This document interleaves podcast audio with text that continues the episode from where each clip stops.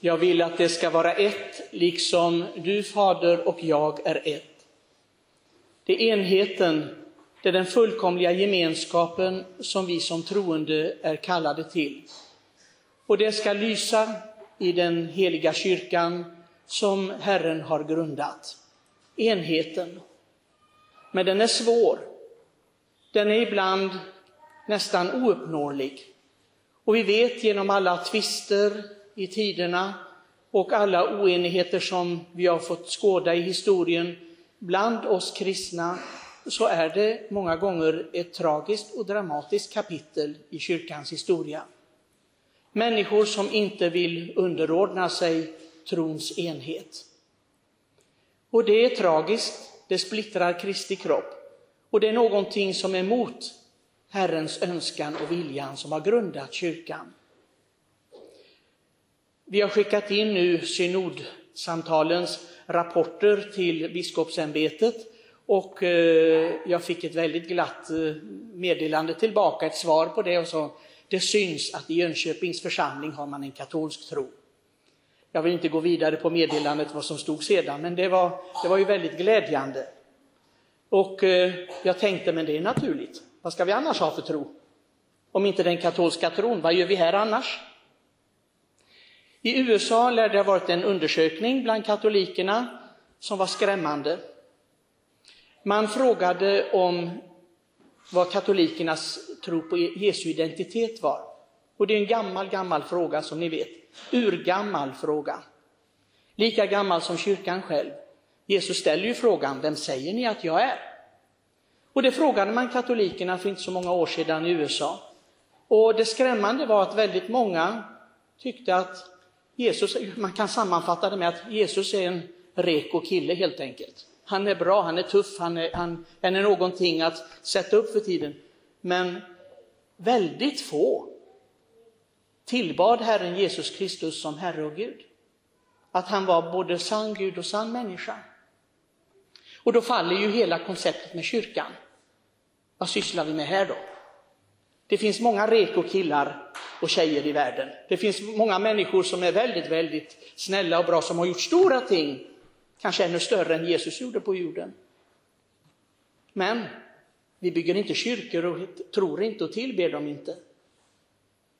Sedan var det naturligtvis också då följdfrågan, men vad är då eukaristin? Det som andra Vatikankonciliet är och säger är källan och höjdpunkten i det kristna livet. Källan och höjdpunkten, fons et culmen på latin. Och det är en av de stora så att säga, begreppen i andra Vatikankonciliet, att just, och hela reformen av liturgin gick ut på att liksom förenkla och göra det mer tydligare är eukaristin, att Kristus är med sitt folk. Han är här fysiskt, i det köttet som han säger som vi ska äta för att ha evigt liv och dricka hans blod.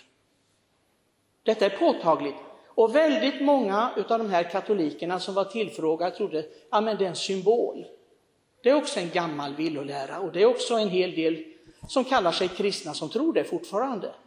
Att det är på det viset. Det är bara ett tecken, en symbol som handlar om gemenskap, men mer är det inte. Men det säger inte Herren. Det säger inte Herren. Den som inte äter mitt kött och dricker mitt blod har ingen gemenskap med mig. Och den som äter och dricker mitt blod, den ska ha det eviga livet. Det, ni vet följden av detta när han sa det. Folk applåderade inte. De flesta gick, de lämnade, de sa det här, det här kan vi inte lyssna på. Det här tror vi inte på. Så det var svårt att ta till sig. Men Herren ville ha denna enheten i sig. Och det är svårt, vi vet det i vårt, vårt dagliga liv, detta med att liksom skapa gemenskap och enhet. Vi vet hur många familjer som har det svårt med enheten i äktenskapet, på arbetsplatser, i skolor, även i kommuniteter, klosterkommuniteter, överallt i församlingar för att inte tala så det här att arbeta för enheten under Herren, det är verkligen någonting som att uppfylla Herrens önskan. Han vill ha denna enheten. Men problemet med väldigt många, och det har varit i alla tider, det är tyckandet. Men jag tycker så här. Men jag anser detta. Och så, ja, därför att jag själv är viktigare än enheten och helheten och det som Gud vill. Det Gud vill, det är naturligtvis en sekundär fråga. Men det jag står för, och jag måste förverkliga mig själv. Det jag tycker och tänker, jag ska inte sticka under stolen med det. Andra ska veta att det är på det viset. Jaha, och så ställer du det utanför gemenskapen, för det är det du gör. När du ställer dig själv främst och för. Inte kan dö bort från dig själv som Herren säger. Den som inte dör bort från sig själv följer mig, den har ingenting med mig att göra. Ja, skapa din egen verklighet. Och det var det också som ledde till det som vi läste i första läsningen. Det är därför kyrkan har valt, man undrar, men varför väljer kyrkan idag martyriet av Stefanus? Vad har det med saken att göra? Jo, därför att när människor inbillar sig saker, det här var troende människor som dödade Stefanus, det var inte hedningar. Det var inte människor som inte trodde, det var precis de som trodde som dödade Stefanus, därför att de delade inte hans upp, de kunde inte acceptera att han kom med förtydligandet av Guds uppenbarelse, att Jesus Kristus är Guds son. Och då skulle han bort. Det passade inte in i deras gudsbild i deras tänkande. Och ni ser hur farligt en, en religiös människa, en troende människa kan bli bland den farligaste som finns när fanatismen råda och man inte öppnar sig för det Gud vill. Ibland så är en religiös människa farligare än en hedning. Det ska vi akta oss för. All sorts fanatism ska inte. Det ska inte finnas någonting sådant hos oss utan den ödmjuka inställningen och att Gud finns i alla människor, även om de tycker ja men den människan har inte Gud i sig. Alla människor har Gud i sig, vad är det du säger? Det finns inte någon människa som inte är skapad av Gud, som inte är älskad av Gud. Och det är vår uppgift att vittna om Jesus Kristus, men inte genom hammare och slag, inte genom ord som kränker, utan med vårt vittnesbörd att med våra gärningar. Vi ska övertyga världen om att Jesus Kristus är Herre genom hur vi älskar varandra. Så det, det säger ju Herren själv. Han har ju gett oss svaret här. Han har gett oss precis vägen hur det ska gå till. Se hur de älskar varandra, se enheten de har. Jag har många gånger sagt att tänk vilket motvittnesbörd det är i församlingar när man bråkar om alla möjliga dumheter om blommor och ljus och bänkar och stolar och gardiner, jag vet inte vad, och dörrar hit och dit. Alltså människor som inte har tro. Det är det det handlar om, människor som inte har tro och då fokuserar man på alla möjliga dumheter. Som, som inte har någon betydelse, för du kan inte ta med dig blommorna eller ljusen eller dörrarna eller gardinen ner i graven. Var så säker på det. Ingenting får du ta med dig utom dina dumheter.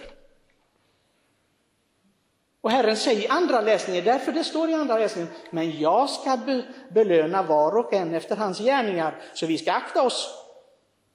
Vi ska akta oss väldigt noga för vad vi tycker är viktigt i världen och vad vi fokuserar på. Herren ska ta allt i akt, han ser allt, han hör allt. Var så säker på det. Om du inte har levt med kärlek så har du levt fel ditt liv. Och kärleken övervinner alla egendomligheter, alla liksom saker som är annorlunda i andra människor.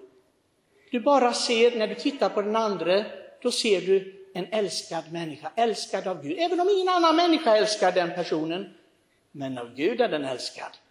För det finns ingen varelse på jorden som inte är älskad av Gud. Och det ska du, om du är troende människa, ska du kunna se detta i din nästa. Ser du inte det, jobba på det. Jobba på det. Det finns de människor som bär nästan hat i sina hjärtan mot vissa andra människor, för de har gjort dem någonting, eller, och de bär detta hela livet. Och jag tänker, då kan man ju inte vara troende. Man är inte kristen i alla fall. För det är ingen kristen tro.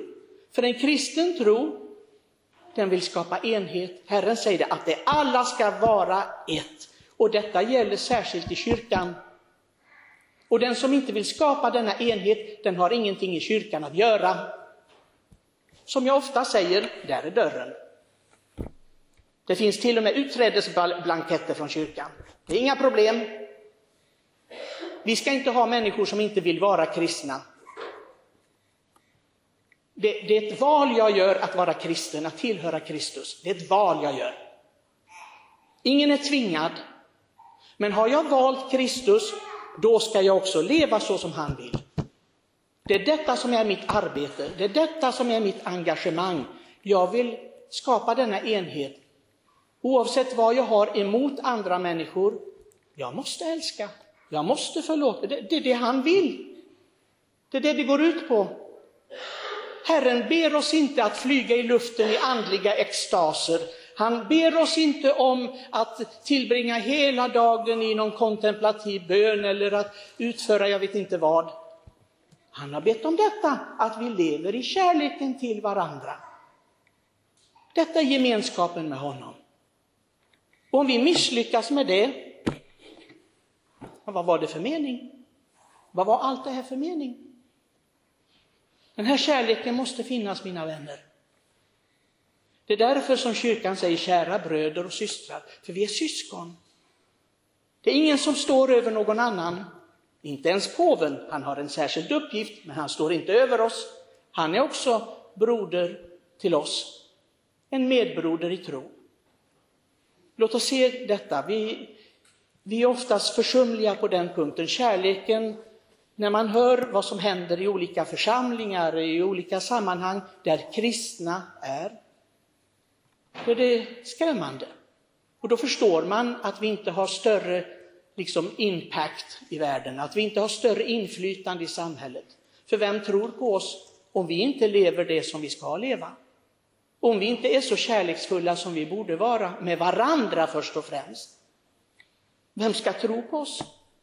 Vem ska tycka det är något märkvärdigt med kyrkan, med kristendomen?